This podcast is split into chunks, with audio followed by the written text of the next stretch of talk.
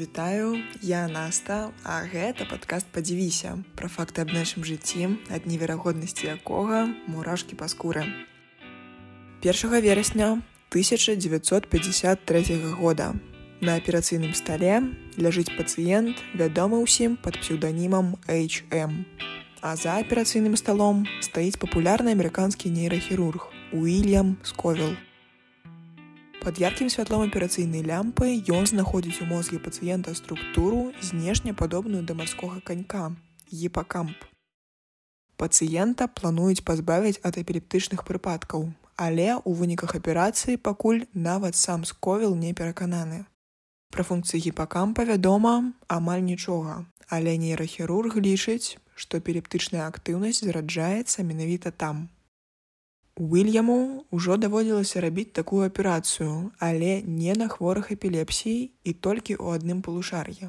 А па вопыту калег ён ведае, што выдаленне гіпакампа з аднаго бока можа сапраўды палепшыць стан хворага. Але сёння ён хоча паглядзець, што адбудзецца, калі зрабіць гэта і ў правым і ў левым полушар'ях. Так, зараз той цікавы час, калі даследаванні мозга працуюць менавіта такім чынам. Адрэж штосьці і паглядзі, што потым здарыцца. І ўрэшце рэшт Уільям Сковел выдаляе HM гіпакамп. А разам з ім і парагімпакальную звіліну і амігдалу і яшчэ некаторыя прылягаючыя структуры. Пацыент пазбаўляецца некалькіх чайных лыжак свайго мозга. І з гэтага моманту яго жыццё становіцца на паўзу. Зараз HM адпачывае ў пакоі. І на радасць і яму і яго сям'е аперацыя сапраўды пазбавіла яго ад жорсткіх прыпадкаў, праз якія ён не мог звычайна існаваць ужо доўгі-доўгі час. А на радасць навукоўцам у HM чамусьці пачаліся траблы з памяццю. Відавочна, справа тут у тым, што у HM больш не было гіпакампу. На сёння добра вядома, што гіпакамп грае сапраўды істотную ролю ў працэсе стварэння новых успамінаў. І вядома гэта ўсё, канешне, не без дапамогі HM. Пра гіпакамп мы яшчэ паспеем пагутарыць, а пакуль прапаную павярнуцца ў 1953 год. На гэты момант HM27. Складана сцвярджаць пэўна, але вельмі верагодна, што ён першы за ўсю гісторыю чалавек, пазбавіўшыся гіпакампа ў такім аб'ёме. І цяпер HM страціў здольнасць фарміраваць новыя ўспаміны. Уильям Сковел адразу ж піша аб гэтым выпадке Уайлдеру Пенфілду, таленавітаму нейрахірургу, які прапануе працаваць HM сваёй калегі Брэндзі Мілнер. Яна, між іншым, цудоўна жыве і па сённяшні дзень, адцвяткаваўшы свой 104 дзень народзінаў. Брэнда адразу ж садзіцца ў цягнік, каб як мага хутчэй пачаць працу. Яе накіроўвае дапытлівасць. Шмат хто з яе калег лічыць, што памяць нельга лакалізаваць, нельга знайсці асобную частку мозга, у якой бы яна захоўвалася. Але брэнда ведае, што пацыенты з пашкоджаным гіпакампам запамінаюць новыя рэчы з асаблівай цяжкасцю. І менавіта HM дапаможа брэндзі Мілнер пераканацца ў сваіх думках. І вось праз столькі гадзін чакання яна ўрэшце рэшт бачыць свайго падапечнага. Яны цудоўна гутараць і HM падаецца ёй вельмі прыемным і добразычлівым. Брэнда нават думае, што калі б яны былі ў іншых абставінах, ёй бы і ў галаву не прыйшло, што ў гэтага чалавека цяжкасці з памяццю. Яна вырашае выйсці, каб заварыць каву, а калі павяртаецца назад, знаёміцца з HM нанова. Праз некаторы час Мілнер разам з сковелам напішуць навуковы артыкул страта нядаўняй памяці ў выніку білатэральнага выдалення гіпакампа. Менавіта гэты артыкул і адкрое сцежку для незлічонай колькасці іншых навуковых работ з HM у галоўнай ролі. Але скончваецца ён падманліва простым вынікам. Калі ендры выдалілі гіпакамп, і цяпер ён больш не здольны рабіць новых успамінаў, то гіпакамп іграе галоўную ролю ў гэтым працэсе. Упершыню функцыя памяці пераканаўча лакалізаваная ў мозге. Менавіта з гэтага артыкула і пачынаецца вывучэнне памяці. Брэнда працягвае наведваць HM. Яна бавіць разам з ім цэлыя дні. Спачатку яна спрабуе зразумець, наколькі ўвогуле вяліка страта памяці, як хутка HM забывае новы вопыт. Брэнда даведваецца, што з працоўнай памяццю ў няго ўсё добра, а вось пераводзіць новыя веды з працоўнай у доўгачасовую ён няздольны. HM можа цягам у паўгадзіны памятаць нават пяцізнакавы лік, увесь час паўтараючы яго сабе. Але як толькі бренда пераводзіць яго ўвагу на штосьці іншае, ён адразу забываецца не толькі на лік, але нават і на тое, што ў няго ўвогуле было заданне гэты лік запамінаць. І навукоўцы становіцца цікава, ці існуе такі вопыт, які б HM запомніў. Аднойчы яна кладзе перад ім аркуш, на якім намаляваная зорка. Ды кладзе так, каб HM быў здольны гэтую зорку бачыць толькі ў люстэрка. Паміж ім ды малюнкам стаіць шырма. Яму трэба абвесці малюнак, бачачы сваю руку толькі ў люстэрке.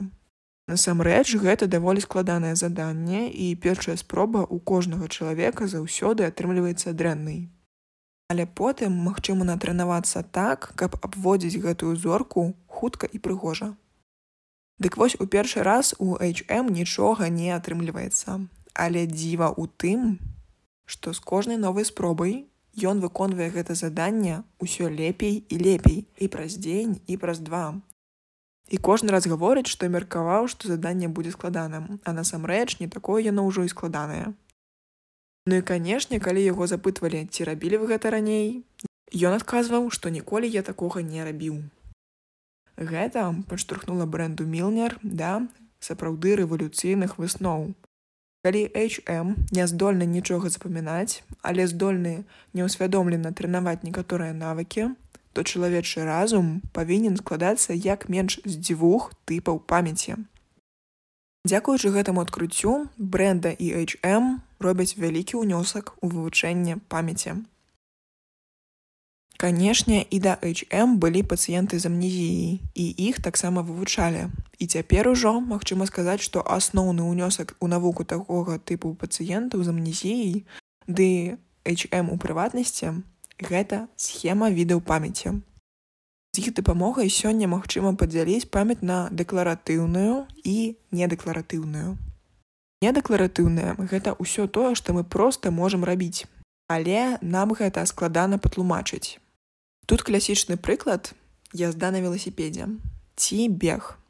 Вы здольныя гэта рабіць, але на пытанне як вы наўрад ці хутка знойдзеце адказ. Другі тып дэкларатыўная памяць гэта пра ўсё тое, што мы здольныя ўспомніць і распавясці. Яна ўжо дзеліцца на эпізадычную, гэта памяць пра канкрэтныя эпізоды з нашага жыцця і семантычную, гэты тып пра абагульненыя веды пра будову нашага свету. Ну а сам HM, канешне, і не даведваецца пра свой унёсак у навуку. Ён жыве з бацькамі, бо яму патрэбная ўвесь часная дапамога. Ён ніколі не памятае, што, напрыклад, прыйшоў час снедаць ці чысціць зубы, але яго больш амаль не турбуюць эпілептычныя прыпадкі. Ды ён здольны нават рабіць нейкую працу па дому. Напрыклад, яго любімы занятак стрыгчы траву, бо па яе вышыні ён можа зразумець, дзе ён ужо прайшоў, а дзе яшчэ не.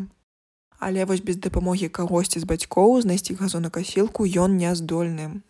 Бо ніколі не памятае, дзе заставіў яе ў папярэдні раз. Калі сям'я жыла ў тым жа доме, што быў і да аперацыі, HM добра ведаў і адрас, і дзе што знаходзіцца і ўвогуле мог арыентавацца сам, бо ўсе старыя веды ў яго засталіся. Але калі сям'я вырашае пераехаць у іншы дом, HM марнуе вельмі вельмі шмат часу проста на тое, каб вывучыць новы адрес. Яшчэ і чым вельмі любіць розныя гульні са словамі, напрыклад крыжаванкі. І зусім нічога, што кожны дзень ён робіць усё адную і тую ж старонку. Гэта крыжаванка яму ніколі не дакучае, бо выконвае ён яе кожны раз як першы. Калі яго бацька памірае, ён, канешне, не можа адказаць канкрэтна ніяк гэта адбылося, нікалі, ні пры якіх абставінах. Але калі яго запытаць пра тату, ён адкажа, што мае пачуцце, што яго ўжо няма побач. Тут магчыма пабачыць, што у HM няма эпізадычнай памяці на гэтае здарэнне. Затое ёсць семантычнае. бок запамінаць штосьці ён можа, але карыстацца гэтымі ўспамінамі на свядомым узроўні не можа. На гэты выпадак ёсць добры прыклад, на жаль, не з HM у галоўнай ролі, але тым не менш. Жанчына, хворая на такі ж тып амнезіі, не была здольна запамінаць новых знаёмых і кожны раз паціскала ім руку як першы. Але калі яе новы знаёмы схавае ў далоні іглу такім чынам, каб пакалоць жанчыну, у наступны раз яна паціскаць руку гэтаму чалавеку ўжо не будзе. Усім астатнім будзе, а яму не будзе. А калі запытаць яе аб гэтым, то патлумачыць, чаму яна так робіць, жанчына будзе няздольная. Але не на свядомым, а на падсвядомым узроўні у яе будуць успаміны пра тое, што далонь гэтага чалавека калючая. І вось 2008 год. HM памірае ў прыюце. На той момант яму 82 гады. Персанал, дагэтуль праінструктаваны, што рабіць у выпадкі смерці, працуе вельмі зладжана. Галоўная мэта зберагчы мозг цяпер ужо не чалавека з ініцыяламі замест імені фаміліі, а генры Молісана, яго сапраўднае імя больш не сакрэт. Толькі ініцыяламі ува ўсіх навуковых публікацыях карысталіся, каб захаваць прыватнасць пацыента. Цела генры адвозяць у галоўны масачусацкі шпіталь у Бостане, дзе яго скануюць у апараце МРТ аж 9 гадзін А праз год пачынаецца вельмі крапатлівая работа. Трэба нарэзаць замарожаны мозг на агромістую колькасць тонкіх кавалачкаў. У залежнасці ад метада 2, 3 ці 5 сотых міліметра. То бок 2, 3 ці 5 мікрон у таўшчыню, каб потым мець мапу гэтага мозгу з усімі падрабязнасцямі ў 3D.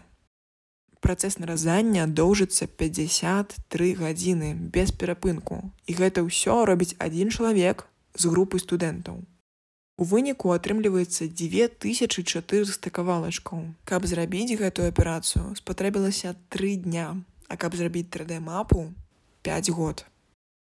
Дзякуючы гэтай 3D-мадэлі давялося высветліць, што падчас аперацыі ў Ілі Масковіла некранутай засталася адна трэць гіпакампа. Таму міф пра тое, што HM пазбавіўся гіпакампа цалкам, гэта хлусня.